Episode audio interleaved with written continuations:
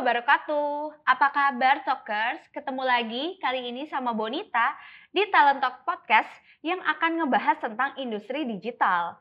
Nah, ngomongin uh, industri digital saat ini Bonita sudah bersama seorang narasumber, tapi saat rekaman ini kita sudah menerapkan protokol kesehatan ya, Talkers. Nah, kali ini Bonita sudah bersama Pak Furin Ongko. Beliau merupakan perwakilan dari Amazon Web Services di Indonesia. Halo Pak Furin. Hai, halo Mbak Bonita. Boleh sedikit perkenalan dulu ke Talkers mungkin Pak? Ya, hai, halo Talkers. Saya Furin Ongko, saya dari Amazon Web Service Indonesia. Role saya adalah Program Manager untuk AWS Educate. Kita langsung tanya aja nih, bagaimana sih memangnya kondisi industri digital di Indonesia saat ini Pak? Ah iya, makasih Mbak. Jadi uh, sebenarnya kalau kita lihat di Indonesia ini sangat menarik sekali gitu. Dan banyak banget uh, research-research yang menunjukkan bahwa uh, Indonesia itu sampai dengan tahun 2025 itu masih membutuhkan banyak sekali tenaga kerja digital atau digital workers. Mungkin kalau secara jumlah itu kurang lebih 111 juta uh, orang yang perlu uh, bekerja atau yang akan bekerja sebagai digital workers dan mereka itu masih membutuhkan tujuh digital skills yang baru begitu. Tadi ngomongin kekurangan talenta digital di Indonesia berarti ya Pak. Nah kira-kira memang kekurangannya itu uh, seperti apa dan memang uh, sektor atau bidangnya itu yang kurang tuh di mana sih Pak?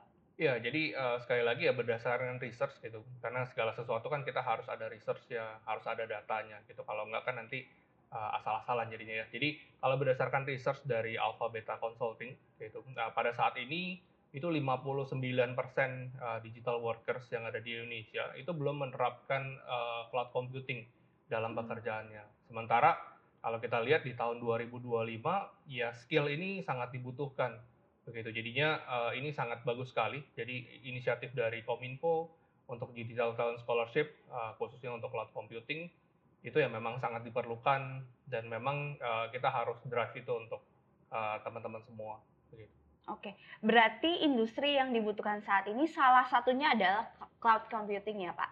Boleh nggak sih sedikit aja dijelaskan mengenai apa itu sih uh, cloud computing?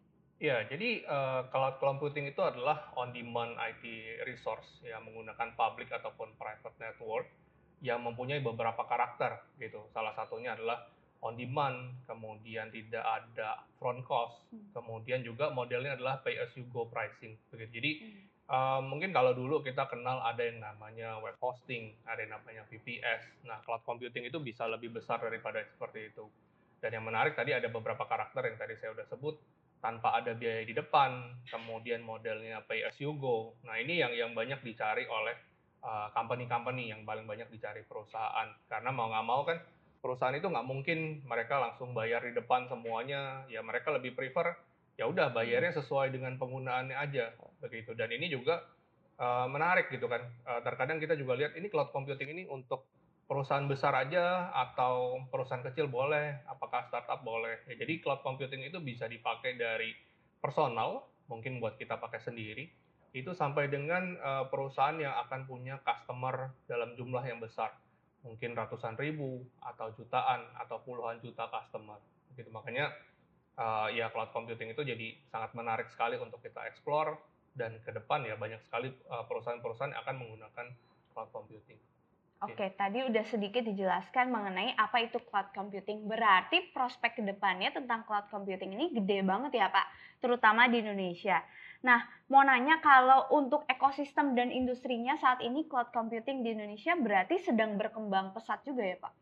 Oh iya, jadi memang uh, kalau kita lihat perkembangannya, jadi ada ada startup begitu ya di Indonesia kan sangat menjamur tuh uh, startup startup ya startup itu ya uh, dasarnya yang paling menarik biasanya mereka menggunakan cloud computing. Karena kalau zaman dulu mungkin kita bilang 10 atau 15 tahun yang lalu uh, yang punya banyak uang dia yang bisa berhasil. Tapi kalau sekarang itu kan yang lebih cepat yang bisa berhasil. Nah bagaimana mereka itu bisa lebih cepat bergerak ya karena dengan ada cloud computing itu jadi lebih mudah. Ketika kita mau punya satu resource, dulu kita harus pesan dulu nih barangnya mungkin sekitar tiga minggu sampai enam minggu itu baru bisa datang. Dan itu juga biayanya mahal, mungkin 300 juta atau 500 juta. Jadi kita udah mesti punya uang yang banyak, kemudian kita harus nunggu dalam waktu yang lama, baru kita bisa mulai. Sementara kalau sekarang dengan kita pakai cloud computing, uh, kapan kita mau pakai gitu kan, ya udah bisa. Misalnya uh, siang atau sore ini kita mau pakai, ya udah bisa. Mau yang spesifikasinya seperti apa, ya udah langsung bisa. Karena itu nggak butuh waktu lama-lama, mungkin sekitar lima menit atau 10 menit, ya itu sudah tersedia.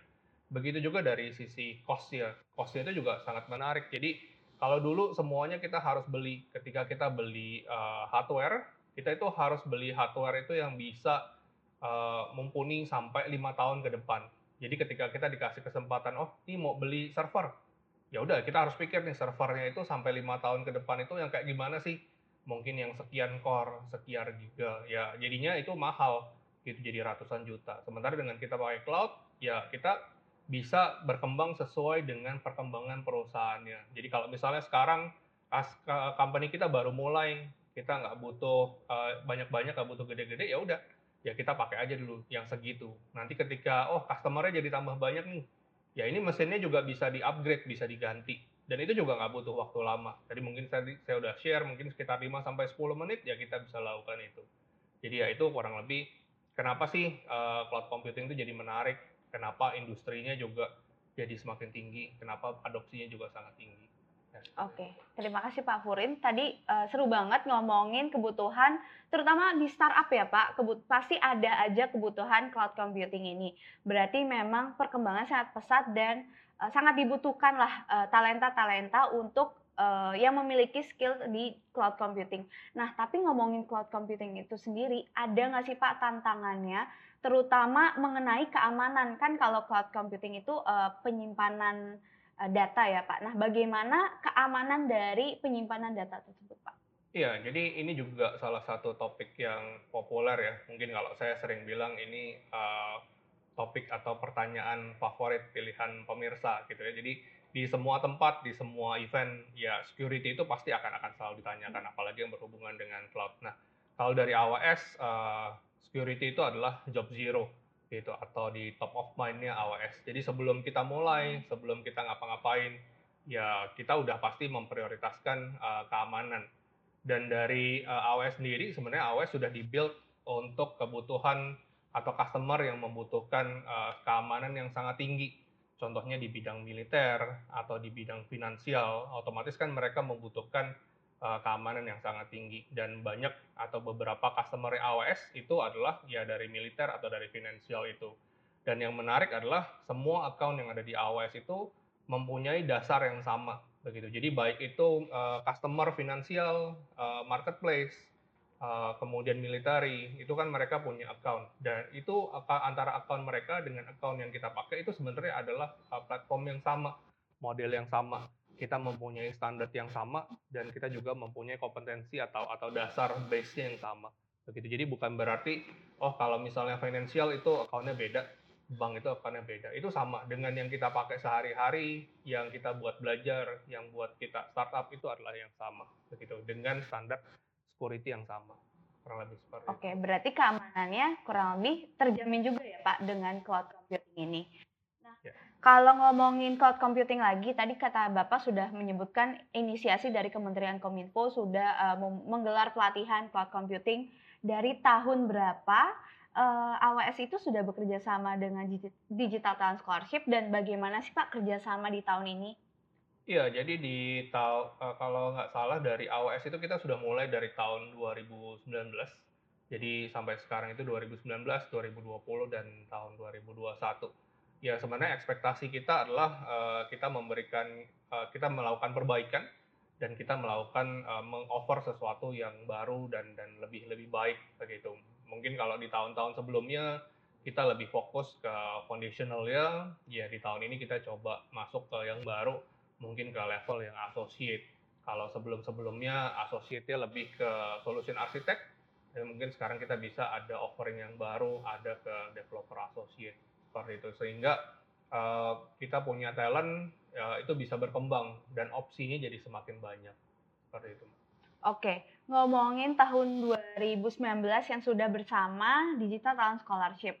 Nah, tahun 2019 itu kan ada namanya pelatihan cloud computing. Nah, kayaknya tahun ini itu di tahun 2021 namanya berubah ya Pak. Ada nama pelatihan cloud architecting, ada cloud developing, dan cloud foundation. Nah, ini bedanya apa dengan cloud computing yang sudah uh, diselenggarakan dari tahun 2019? Iya, jadi kalau di tahun 2019 kita ngomongin cloud computing, itu adalah cloud computing yang sifatnya general, atau mungkin kalau kita samakan dengan yang tahun 2021, itu adalah cloud computing yang sifatnya fundamental, hmm. begitu. Nah, mungkin tadi sebelumnya saya udah share juga, bahwa kita coba offering sesuatu yang berbeda. Jadi nggak cuma fundamental, mungkin 2-3 tahun kita terus-terusan fundamental, begitu kan. Ya kita coba offering yang lebih di atas ya, yang levelnya mungkin intermediate lah itu uh, di namanya associate. Jadi ada yang namanya solution architect associate, kemudian ada developer uh, associate begitu. Jadi kita masuk ke level yang tengahnya ya supaya teman-teman bisa mendapatkan exposure yang lebih tinggi. Mungkin nanti mereka bisa ngambil sertifikasi sehingga mempunyai value yang yang lebih tinggi dan bisa diabsorb ya, bisa diabsorb ke dunia industri gitu. Oke, menarik sekali karena tadi diomongin katanya ada level-levelnya dan nggak cuma level dasar atau level fundamental, tapi ada juga level associate atau intermediate. Nah seru banget berarti teman-teman yang sudah ikutan di tahun sebelumnya itu bisa ikutan lagi di tahun ini untuk mengembangkan kembali uh, skill cloud computing mereka di level yang berbeda ya Pak? Uh, iya betul. Jadi di uh, AWS sendiri kita punya tiga level ada foundational, kemudian ada associate, kemudian ada juga yang namanya profesional begitu. Jadi kalau misalnya sebelumnya tahun lalu udah banyak ke fundamental ya, tahun ini mau ikut lagi, uh, kalau saya sarankan ya bisa ikut yang levelnya associate aja, entah itu solution architect ataupun juga developer associate. Oke. Nah, seru banget berarti teman-teman DJers atau Talkers yang dari tahun 2019 udah ngikutin, udah ikut pelatihan cloud computing, bisa ikut lagi di tahun ini. Kenapa? Karena tahun ini kita ada beberapa uh, jenjang yang berbeda dan pastinya ada beberapa juga ilmu yang pastinya berbeda ya Pak dari eh, pelajaran-pelajaran uh, di cloud computing tahun sebelumnya. Betul begitu Pak? Uh, iya, betul begitu Pak. Oke, nah kalau gitu kita langsung aja ngomongin tadi udah sedikit dijelasin tentang sertifikasi nih dari uh, eh, AWS ya tentang cloud computing. Nah itu gimana sih Pak uh, tentang sertifikasi dan manfaatnya emang penting banget nggak sih di dunia industri? Iya, jadi ini berdasarkan uh, pengalaman pribadi juga begitu ya. Jadi memang kalau dulu saya memang banyak melakukan pelatihan, pengajaran uh, saya punya beberapa punya banyak murid begitu. Nah, ketika dia di interview ke dunia industri atau ke perusahaan begitu kan, ya saya bilang oh ya ini murid saya bagus begitu kan, ya saya yang yang yang melatihkan ini bagus begitu kan. Ya tapi uh, dari perusahaan itu nggak bisa hiring, nggak bisa hiring murid ini karena kalau bagus tapi cuma berdasarkan personal recommendation hmm. gitu kan ya itu nggak nggak valid begitu. Jadi yang valid itu adalah kalau kita punya satu sertifikasi begitu. Karena dengan dengan sertifikasi itu ya sudah tervalidasi uh, dari vendornya, mungkin dari Amazon Web Service-nya sudah melakukan validasi, ya orang ini sudah mengikuti kursus dari AWS dengan standarnya AWS. Atau mungkin orang ini sudah punya sertifikasi dengan standarisasinya AWS. Jadi dengan seperti itu ya dunia industri sudah mengakui. Jadi ya itu sudah lebih valid uh, sehingga ya ini akan lebih mudah untuk diabsorb ke dunia industri begitu atau ke perusahaan-perusahaan itu ya lebih mau uh, untuk hiring orang yang punya sertifikasi dibandingin uh, mereka nggak punya sertifikasi atau mereka sertifikasi ya uh, mungkin dari lembaga tertentu yang yang yang mungkin uh, sendiri lah seperti itu. Oke, berarti pentingnya sertifikasi itu salah satunya untuk melengkapi personal recommendation juga ya Pak. Jadi memang personal recommendation itu uh, mungkin perlu, tapi di dunia industri saat ini juga sangat memerlukan sertifikasi di mana itu merupakan uh, sebuah pengakuan ya Pak, di mana uh, skill yang sudah kamu miliki itu lebih diasah lagi, lebih diakui lagi dengan adanya sertifikasi. Nah, ngomongin sertifikasi jangan lupa ikutan digital scholarship. Kenapa? Karena akan ada uh, berbagai program sertifikasi yang bisa kalian ikuti. Nah, terakhir nih Pak, kita ngomongin, tadi udah ngomongin dunia digital, cloud computing, ngomongin sertifikasi. Ini terakhir deh Pak, boleh nggak sih kasih tips nih ke DJers atau talkers di sana, boleh nggak sih tips untuk mengembangkan diri kita, apalagi terutama di era industri digital ini menurut Pak Furid? Iya, jadi uh, di dunia yang sekarang ini memang sangat jauh berbeda dengan uh, beberapa tahun yang lalu begitu ya jadi kalau misalnya saya share mungkin 5 sampai 10 tahun yang lalu, sebenarnya pendidikan itu jadi sangat mahal yang kita uh, orang-orang yang mempunyai yang bisa mempunyai skill yang bisa mempunyai uh, knowledge yang sangat banyak itu harus require uh, banyak uang gitu ya. Jadi kalau kita punya banyak uang, kita bisa sekolah, kemudian kita bisa keluar negeri dan ilmunya tuh jadi jauh di luar negeri. Dan itu require banyak-banyak hal begitu. Tapi kalau sekarang dunia itu udah sangat terbuka di dunia digital dan ilmu itu ada di mana-mana begitu. Tapi masalahnya adalah uh, apakah kita itu mau belajar atau enggak begitu. Jadi bukan berapa banyak uang yang kita punya, tapi ya kita harus semangat untuk cari itu ya kita harus explore sendiri karena sekarang ilmunya itu udah dibuka tinggal kita yang mau ambil atau enggak kita yang bersemangat atau enggak dan justru dengan programnya Kominfo Digital Talent Scholarship itu sangat menarik sekali. Ya Kominfo juga sudah membuka diri gitu kan bahwa ini kita jalanin program yang sangat menarik. Sudah ada scholarship ya atau beasiswanya. Ya ini adalah kesempatan buat teman-teman semua. Ya udah ya kita belajar. Ini ada kesempatannya. Mungkin dalam bahasa Indonesia jadi lebih lebih menarik gitu kan. Ya ini kesempatan untuk belajar untuk mempunyai skill dan knowledge yang lebih banyak supaya nanti terakhirnya ya eh, teman-teman semua mempunyai kesempatan yang lebih besar untuk bisa masuk ke dunia industri untuk bisa mendapatkan pekerjaan. Oke, okay. baik terima kasih banyak Pak Furin baik. atas uh, penjelasannya yang sangat lengkap dan langsung dari dunia industri nih uh, talkers atau DJers. Jadi kita nggak main uh, cuman riset data, tapi kita langsung mewawancarai orang yang memang sudah bergelut di dunia industri digital sudah berapa lama Pak? Uh, mungkin lebih dari 20 tahun. Lebih dari 20 tahun. Nah itu perlu banget nih uh, diingat-ingat oleh DJers bahwa pelatihan atau uh, skill yang kalian dapatkan itu bisa dapat dari mana aja saat ini. Nah, salah satunya lewat Digital Talent Scholarship. Jadi jangan sampai kelewatan, ikuti terus uh, seluruh pelatihan yang ada di Digital Talent Scholarship melalui website digitalent.kominfo.go.id. Oke, nah itu dia tadi pembahasan yang seru banget bersama Pak Furin.